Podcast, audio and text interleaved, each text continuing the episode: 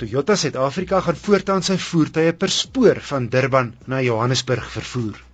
Die 5-jaar kontrak met Transnet behels dat 700 voertuie daagliks per spoor vervoer sal word.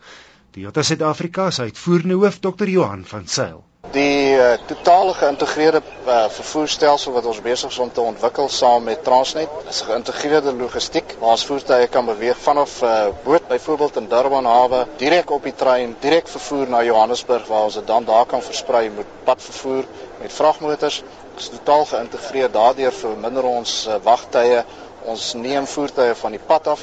Ons verminder die geleentheid vir moontlike padongelukke en daardeur ook uh, natuurlike verbetering en ons eie effektiwiteit en koste.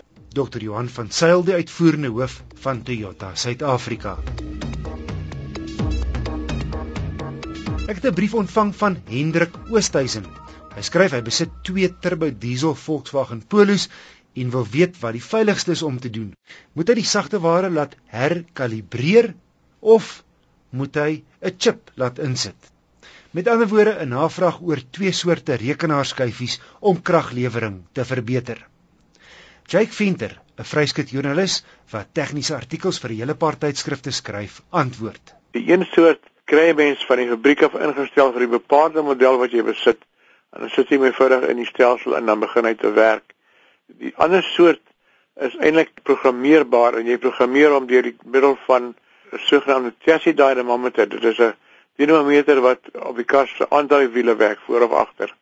En eh, met behulp van 'n rekenaar wat jy inskakel in die kar se stelsel kan jy dan programmeer. Die eerste soort wat klaar geprogrammeer is, gee vir jou 'n bepaalde sogenaamde verbetering in versnelling en net meer krag en partykeer 'n verbetering in brandstofverbruik, maar gewoonlik gaan die twee goed nie saam nie. Aan die ander wyse as jy meer krag kry, dan kry jy dikwels swakker brandstofverbruik. Oor die algemeen, daar is uitsonderings. Die ander soort moet eers geprogrammeer word deur die persoon. Dan word hierdie skyfie werk in parallel met die standaard skyfie wat al klaar in die motor is en dan moet hy geprogrammeer word en jy vind dat die doeltreffendheid van so 'n skyfie gaan afhang van hoe goed die persoon wat dit programmeer die, die ding verstaan en die werk doen. In albei gevalle as jy dieselfde probleem, jy sit met 'n enjin wat deur die vervaardiger getoets is in baie gevalle vir miljoene kilometers op die pad en vir duisende ure op 'n toetsbank om te sorg dat al die komponente mooi saamwerk en nou kom jy en jy forceer die enjin om bietjie meer krag te lewer en nou kan jy baie maklik probleme optel of dinge wat gouer sluit as normaalweg of selfs komponente wat breek. En die probleem met baie van hierdie maatskappye wat die goed verkoop is, hulle vertel vir jou hulle het 'n soort van 'n waarborg op die enjin, maar hulle vergeet dat die oomblik wat die enjin meer krag uitsit, dan kry jy ook meer spanning in die radkas en die agteras. Jou remme word harder gebruik, jou koppelaar werk harder. So jy dit help nie jy kry 'n waarborg vir enjin en dan pak jy radkas op nie. So sal jy vir Hendrik afraai om enige van die twee soos hy dit stel chips of dan rekenaarskyfies aan te koop en te installeer. Ja, jy kan daarvan seker wees dit gaan die enjin uh, meer skade aan doen is goed. Daar is geen twyfel daaraan nie want die enjin is klaar getoets in, in die toestand wat hy van die fabriek afkom. Of jy bereid is om daarmee saam te leef in terme van ekstra krag, dit is jou persoonlike besluit. En daar is mense wat dit doen. Daar is mense wat verslaaf raak aan hierdie soort van ding en, en elke paar maande of paar jaar dan maak hulle 'n verandering en hulle is baie gelukkig daarmee totdat iets breek. Maar ek ken 'n hele paar mense wat spesialiseer in in die ondersoek van engines wat opblaas. En hulle vertel my oor die algemeen leef hierdie ouens nie die engines nie baie lank. En jy as jy nou kom by 'n nuwer kar se diensplan en waarborg, dit kan ook seker in gedrang kom as 'n ou nou 'n nuwe skyfie insit. Ja. Enige verandering wat die vervaardiger nie self goedgekeur het sal vir jou beteken jou waarborg is nou nie meer daar nie. Dit is selfs so klein wees soos 'n ander soort olie. Party van die moderne engines het spesifieke olie nodig in plaas van byvoorbeeld Volkswagens. Die olie kom uit Duitsland uit en as jy enige ander olie insit, is jy waarborg tot net. Mense moet versigtig wees vir enige veranderings. Maar as ou nou besluit jy gaan Valley skuifie insit, hoeveel meer krag kan 'n ou genereer? Die vader van my, hoe ver kan mense in 'n bos loop? Dan af. Hoeveel geld jy spandeer. Ja.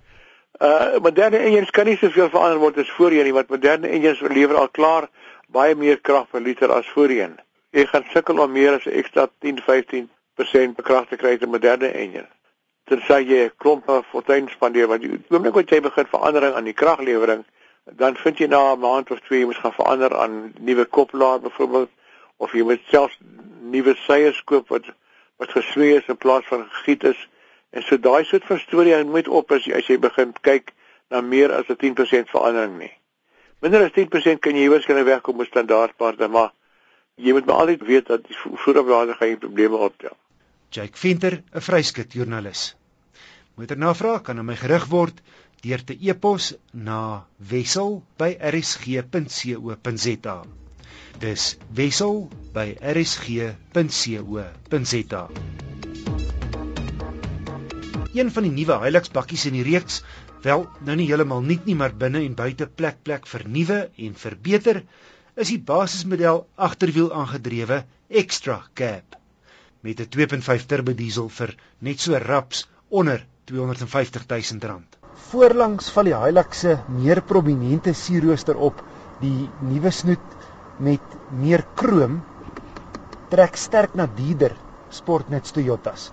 Andersins het ek meer verwag van die buiteaansig van hierdie spesifieke SRX Extra Cab model. Die ding is hy kom werkeselagtig voor terwyl ek sou dink dat Toyota hom 'n meer ontspanningsmark voorkom sou wou gee, soos in die geval van die kompetisie. Laat ek verduidelik, die bakkie staan plat op die aarde in die letterlike sin van die woord, soos ander Hilux werks bakkies. Hy het dis nie Toyota se raised body voorkoms nie. En daar's geen uitstaan of selfs beklemtoonde wielbo om hom so 'n bietjie frisser te laat lyk nie. En die wieldop is van plastiek.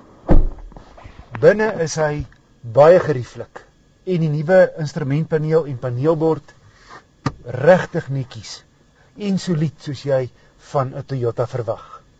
Wat ek mis is verstelbare soos in op en af hoofligte. Dis belangrik op 'n voertuig wat kan vrag dra. En drie sensors sou welkom wees op die lang voertuig. Die gedeelte agter die voorste twee sitplekke wat aan die model sy ekstra cab naam gee, het twee oopslaan gedeeltes in die vloer waarin waardevolle items versteek kan word. Die openings is egter nie groot genoeg vir byvoorbeeld 'n skootrekenaar nie.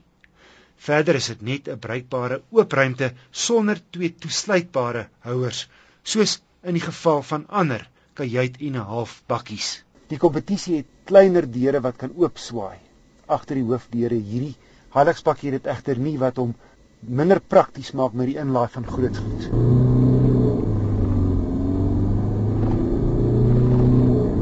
Die 2.5 het genoeg woema danksy die 260 Nm wrinkrag.